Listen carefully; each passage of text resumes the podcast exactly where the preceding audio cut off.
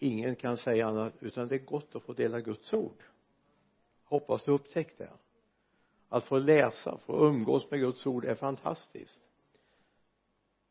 Jag har haft den förmånen att stå i den här situationen sedan 1967 på fars dag. Då talar jag om den gode fadern. Det tog ungefär fem minuter och så läste jag några långa bibeltexter för att fylla ut tiden. Och bibeltexter är ju inte fel, eller hur? Det är väl gott. Så har resan gått och så tänkte jag för två veck tre veckor sedan att det här var sista gången med de handikapp jag har. Men eh, nu var det inte så. Utan jag fick en chans idag igen. Lite nåd. Och det är väl gott. Ska vi se att alla får möjlighet att få tolkning så de får vara med på gudstjänsten också. Amen. Det är gott att se människor från olika nationer och nationaliteter. Det är Guds rike. Det är Guds rike. Så nu ber vi tillsammans. Himmelske far var med oss i den här gudstjänsten. Välsigna oss fader. Välsigna det du har lagt på mitt hjärta att dela. Och välsigna det när det hamnar på andra människors hjärtan. Herre att det får bära till liv det är min längtan den här stunden för ditt namns skull. Amen. Hoppas jag inte chockar er om jag säger att jag kommer inte läsa en adventstext. Utan jag läser det som ligger på mitt hjärta.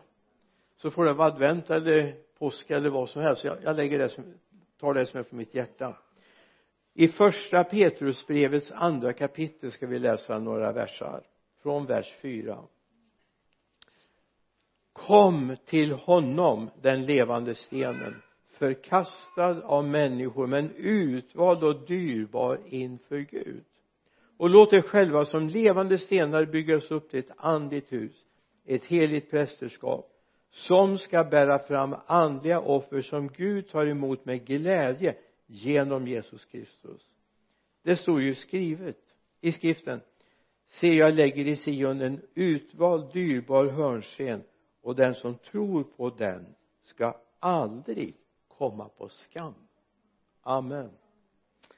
Hoppas vi kan säga amen och till det gudsordet.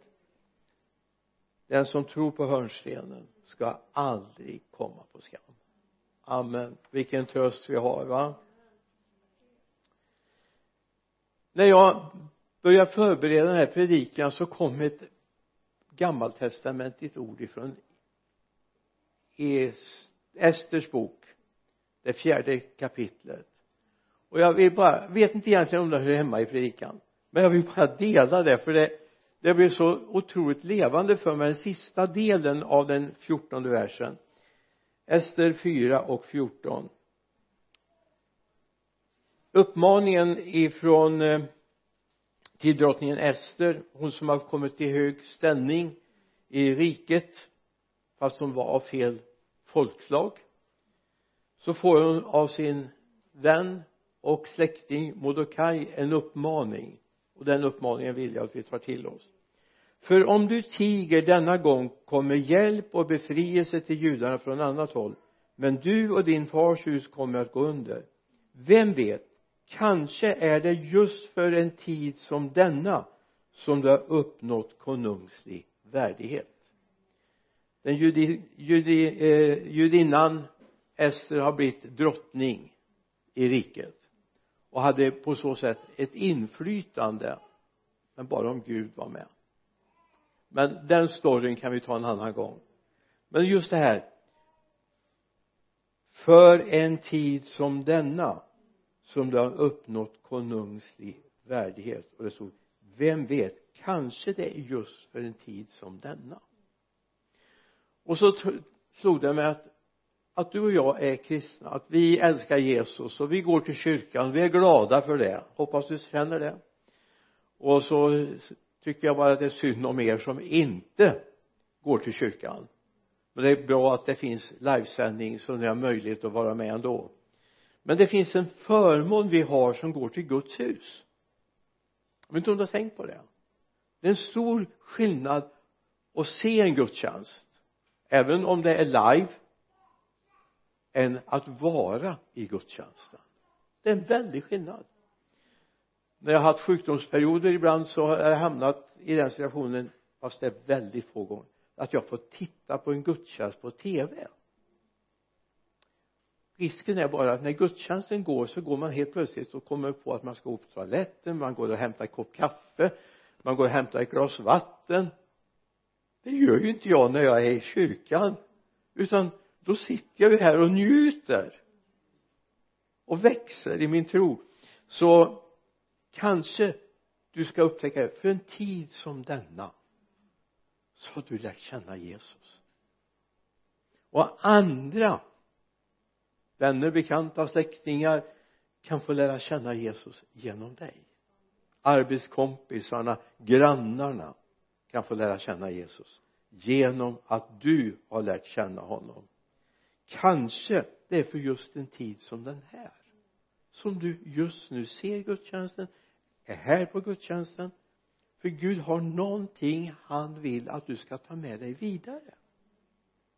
Imorgon när vi kommer till jobbet eller vi som är pensionärer då tar en extra sovmorgon som jag inte tog på söndagen. Så har du fått någonting med dig. Du har någonting som du kan välsigna din arbetsplats, din kompisgrupp med. Någonting som du har mött. Jesus Kristus. Ha med dig. Tänk på det att du faktiskt har någonting med dig någonting Gud har välsignat dig med. Och jag bara känner låt oss suga in det. Det Gud har för dig just idag. Så tro på och lev för honom. Tro på honom. Lev för honom. Det räcker inte att tro på honom. Vi ska leva för honom också. Han är vårt liv.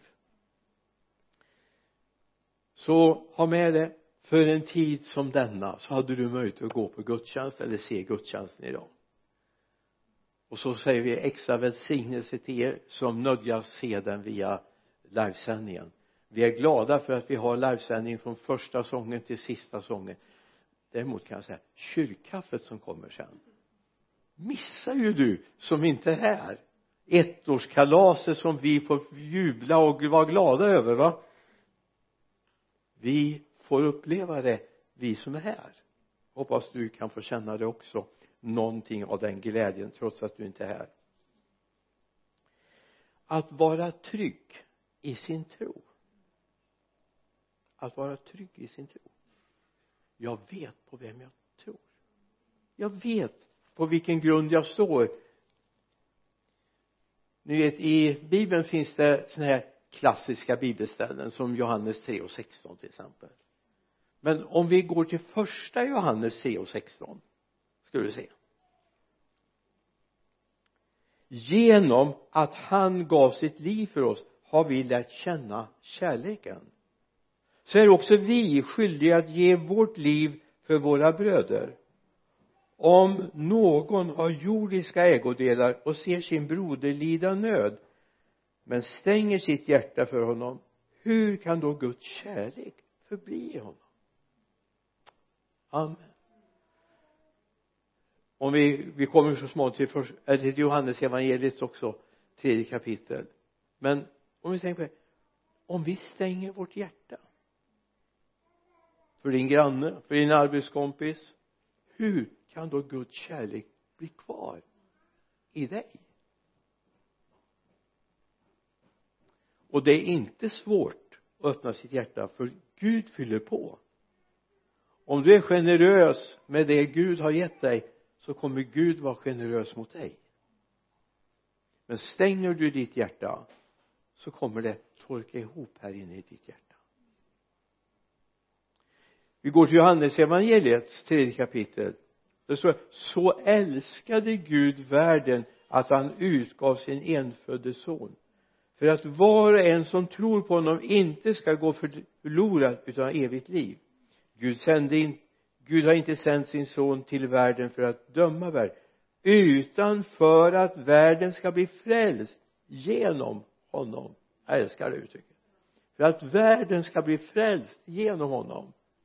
Och börjar man då fundera på vad ordet frälst står för detta livgivande ord.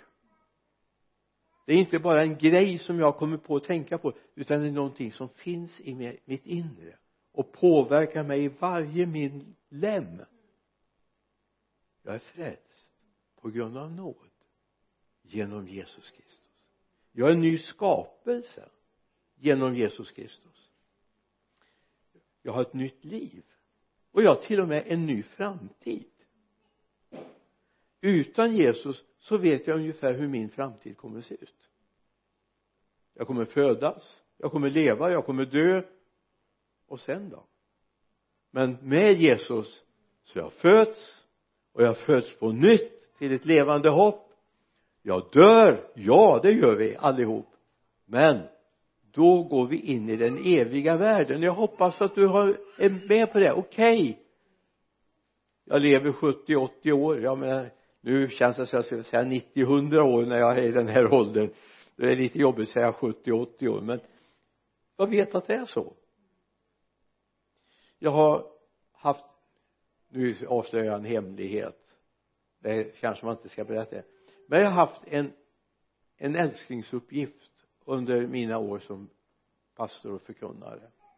Det är faktiskt att hålla begravningstal. Det man allmänt kallar för giftertal. Att få möta människor som är i oerhörd sorg, smärta men också få komma det finns ett hopp. Det finns en framtid. Och har man då fått stått vid en kista med någon bror eller syster som man vet har fått gått hem till himlen och få säga kom ihåg han väntar på dig. Han väntar på dig. Att ni ska på, på nytt igen få förenas om det är en dotter det är en, en man en kvinna eller en far eller mor de väntar. Vilket hopp. Alltså jag har märkt att när man står vid en en sån här situation och man vet och det är ju så för oss som pastorer vi ofta står där vi vet att det är syskon som har gått hem till Gud. Eller hur? Under en period så fick jag faktiskt lite andra uppdrag också för att ha begravningar. Det är inte lätt. Det kan man inte säga med visshet han gick hem till Gud. Hon gick hem till Gud och då är det viktigt att vända och säga men du måste veta att du kan få gå hem till Gud. Du måste vara viss här om hur det blir där. Det är här du bestämmer vart du kommer. Det är ingen chansning. Mitt liv är ingen chansning. Jag vet på vem jag tror. Jag är på väg mot himlen. Att få veta att jag är fullständigt förlåten. Det betyder inte att jag är brist inte har brister och svagheter men veta att han har tagit det på sig. Att han har tagit det på sig. Trots brister och svagheter så är jag älskad av honom. Och jag är på väg mot himlen. Jag hoppas du har samma. Du är fullständigt förlåten och upprättad i Jesus Kristus. Men då måste Jesus få komma in i ditt liv och ta hand om ditt liv.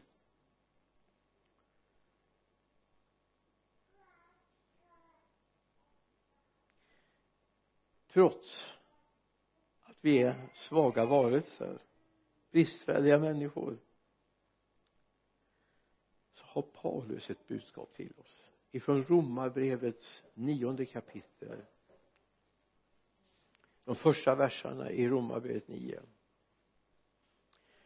jag talar sanning i Kristus. Jag ljuger inte. Mitt samvete betygar i denna heliga i den heliga ande. Att jag har stor eh, stor stor sorg och ständig vånda i mitt hjärta. Jag skulle önska att jag själv var fördömd och skild från Kristus istället för mina bröder mina landsmän efter köttet. Ärligt talat tyvärr eller kanske väl jag har inte kommit till det att jag vill säga till Jesus kasta bort mig om det kan gagna mina bröder efter köttet.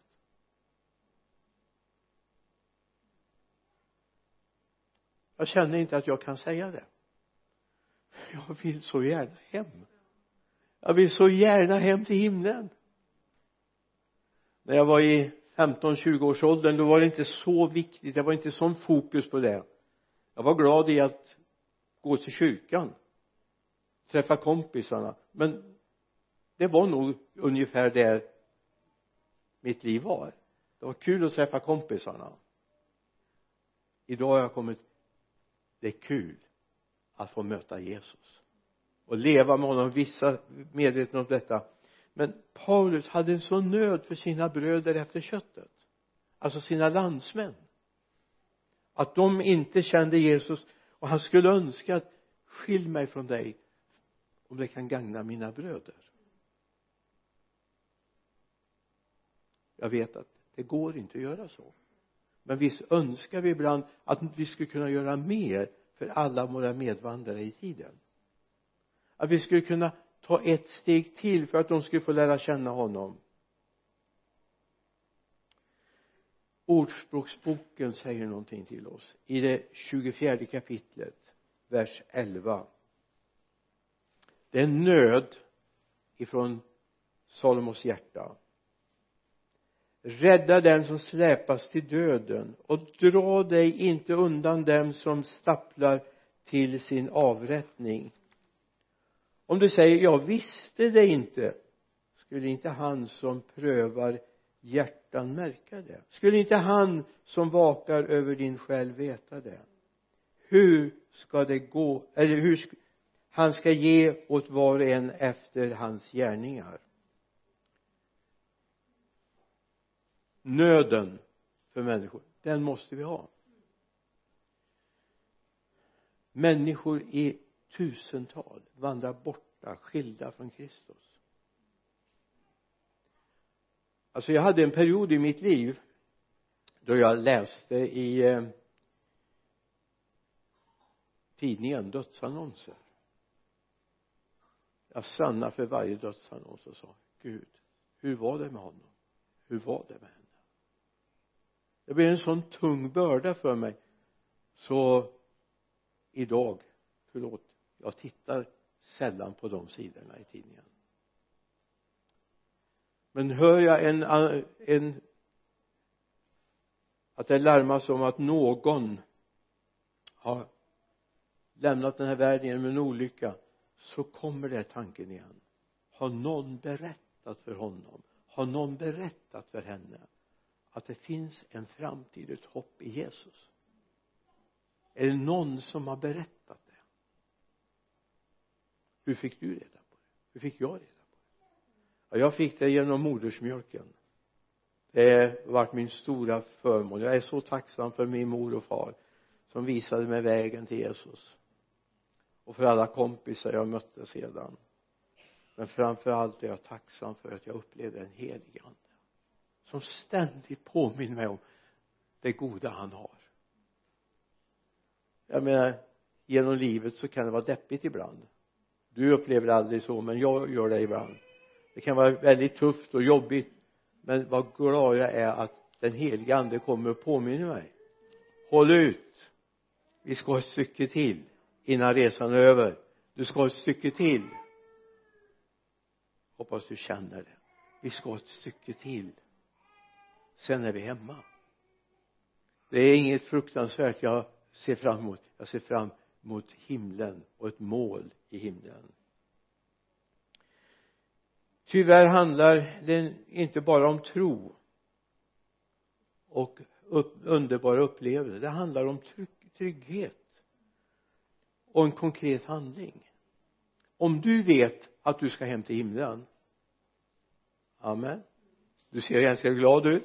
Du vet att du ska hem till himlen men hur är det med dem du är tillsammans med? I familjen? I huset där du bor. På jobbet är de också på väg till himlen.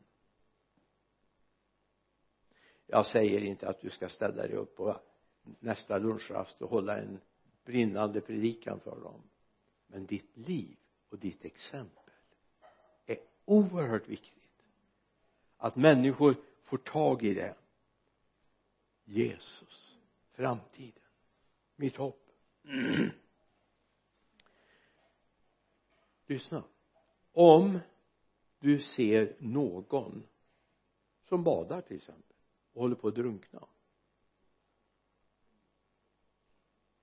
vad gör du då? Vad gör du då? Du står inte på stranden och säger frid broder, frid syster. Du gör det du kan kastar ut räddning, räddarkransen eller du kanske själv hoppar i för att hjälpa. Det är tusentals människor runt omkring oss som är på väg att gå evigt förlorade. Och vi har lärt känna honom. Åtminstone borde det komma en bön ifrån ditt hjärta för dessa människor men också en bön för dig själv. Hur ditt liv ser ut. Vad är det som människor ser i ditt liv? Ser de tryggheten? Ser de tilliten till Gud? Eller ser de att du, de, du är precis lika orolig som alla andra? Det finns saker som kan göra oss oroliga. Men människor måste se att vi har någon att dela det med någon att gå med det här till. Det handlar inte om att jag har så mycket upplevelser utan det handlar om det finns ett liv som andra människor behöver som du har fått del av. Så låt ditt liv peka på Jesus i det du kan och vill. Peka på Jesus.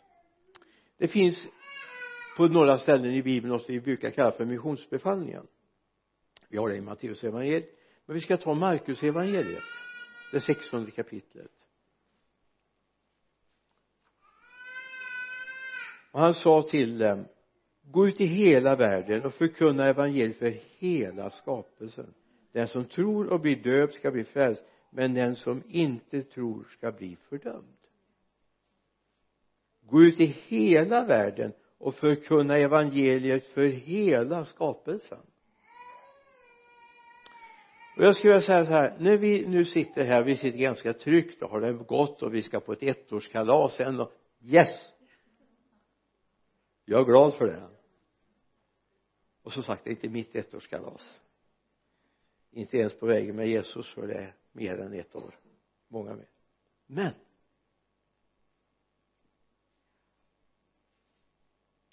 Tänk att vi har fått någonting som vi kan få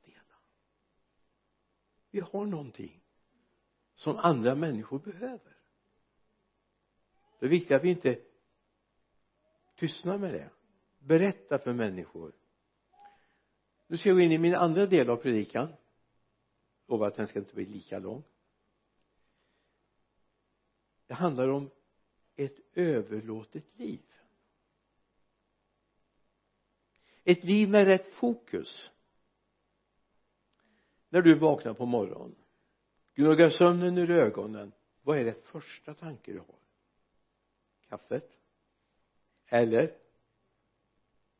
Ja för mig är det väldigt ofta kaffe. Jag ska ärligt erkänna.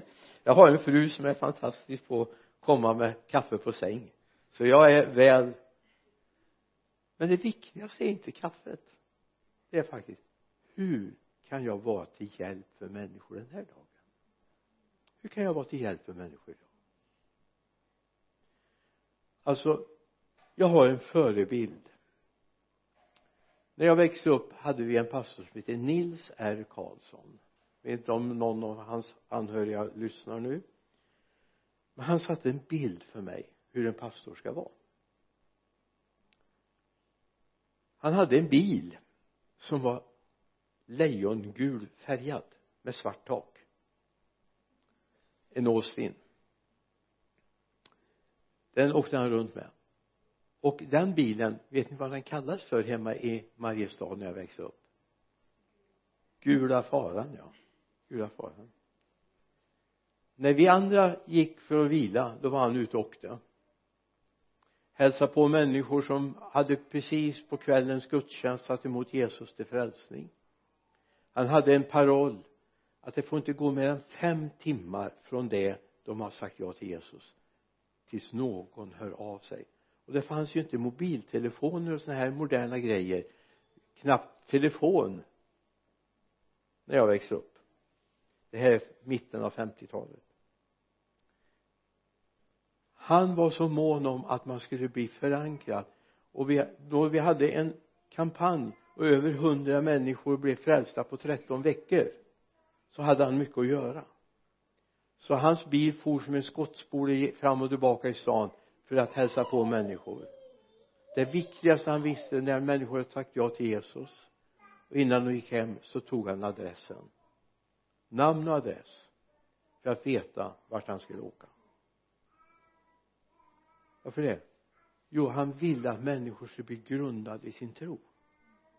Han bad med dem till de upplevde den helig ande i sina liv han uppmuntrade dem som hade det jobbigt i sitt hem eller på sitt jobb.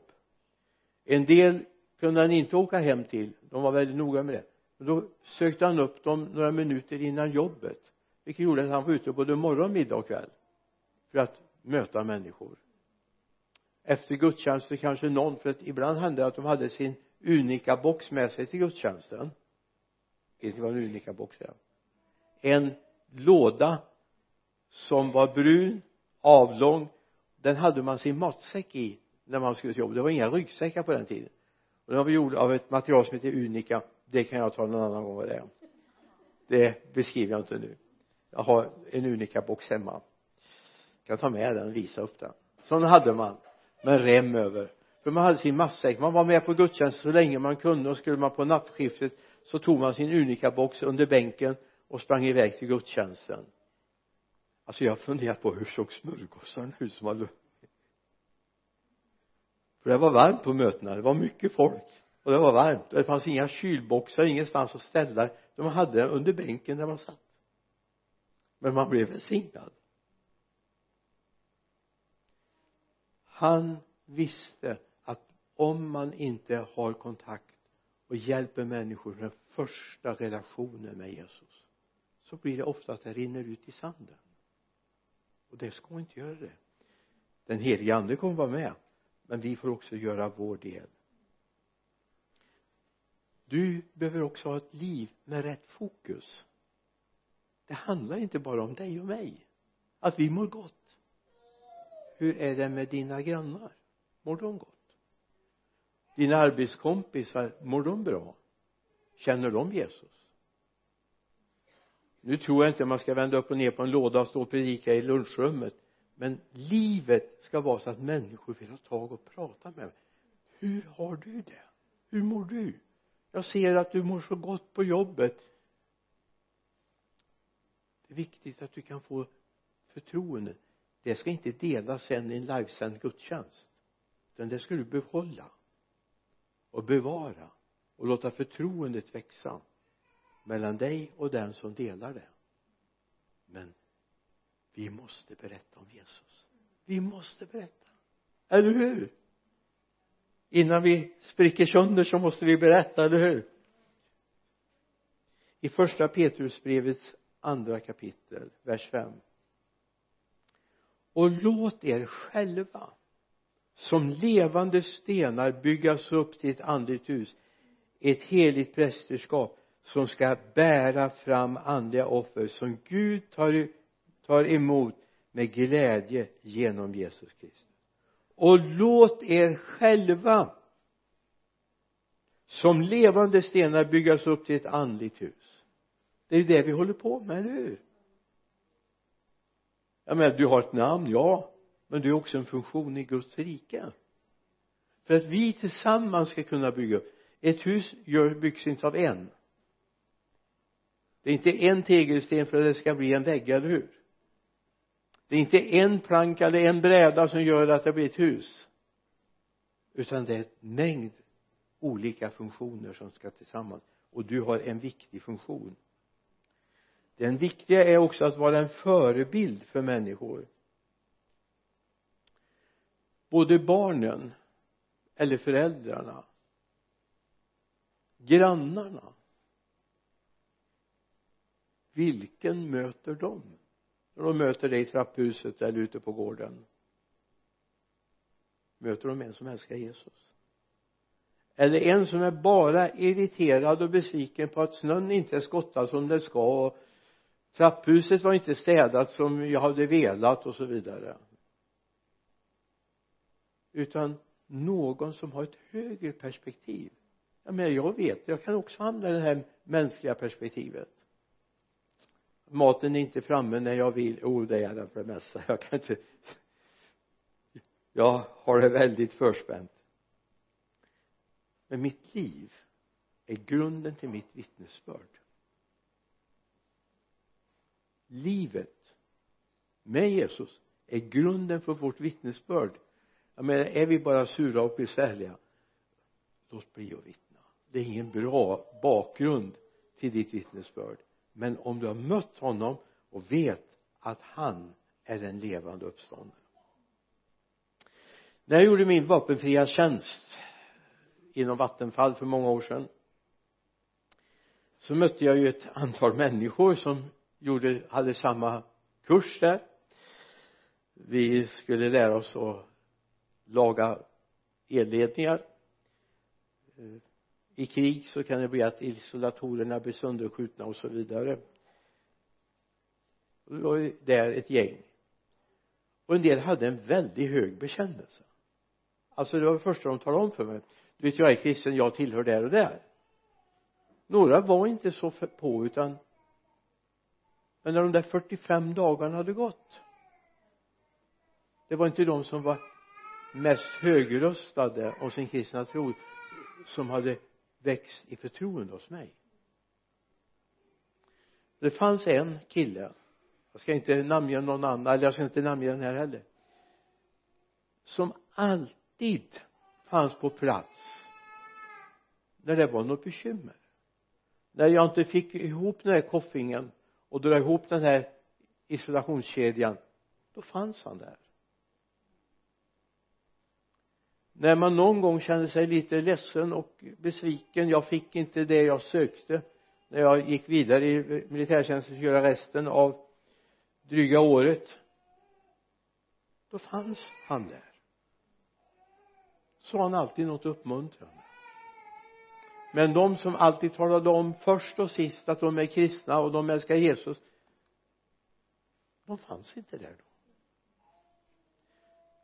alltså genuiniteten är viktigare än ordflödet. Genuiniteten att tron på Jesus har landat är viktigare än alla ord som kan låta väldigt präktiga. Gud vill ha genuina liv. Du får gärna berätta om Jesus. Visst någon sa så här jag berättar alltid om Jesus. Och så vart det tyst. Så. och är det så behövs? Använder jag ord.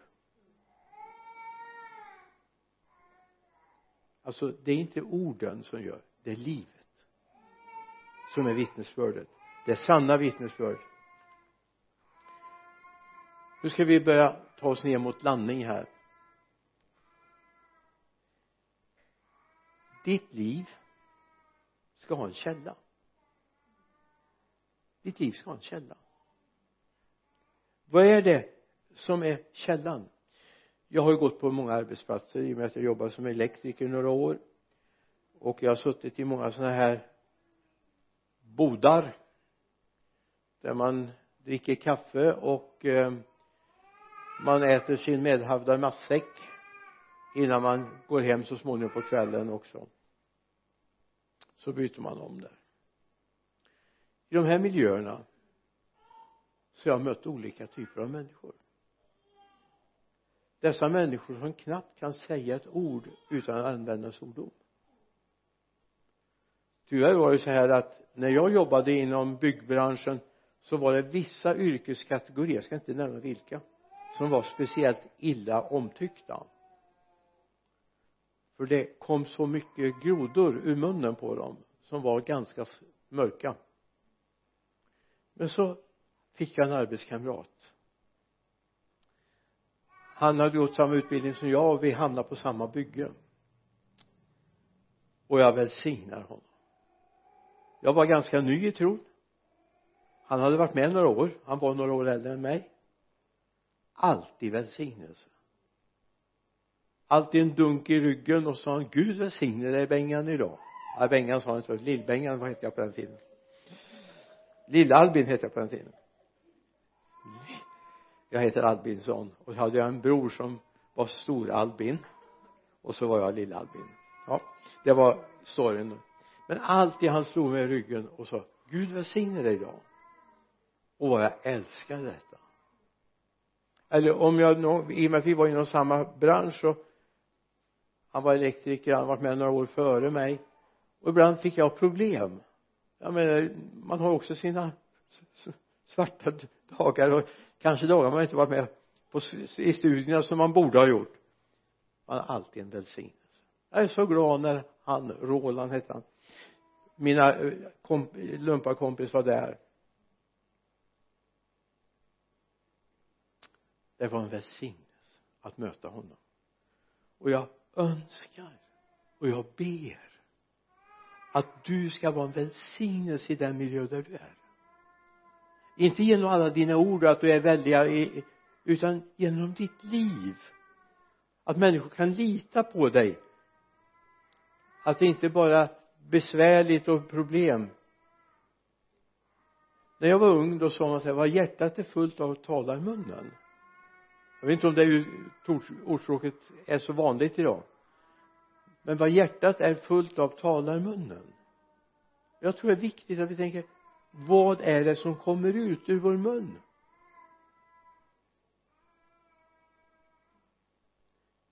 Jag ska inte be om några bekännelser eller utan ha med det.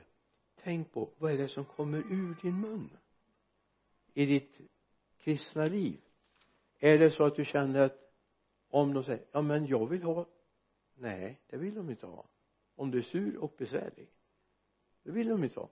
Men om du försöker låta Jesus vara med och styra livet. Jag säger inte att vi vi blir inga helgon. Jag har inte lyckats med det i alla fall. Men jag vill vara äkta mot människor.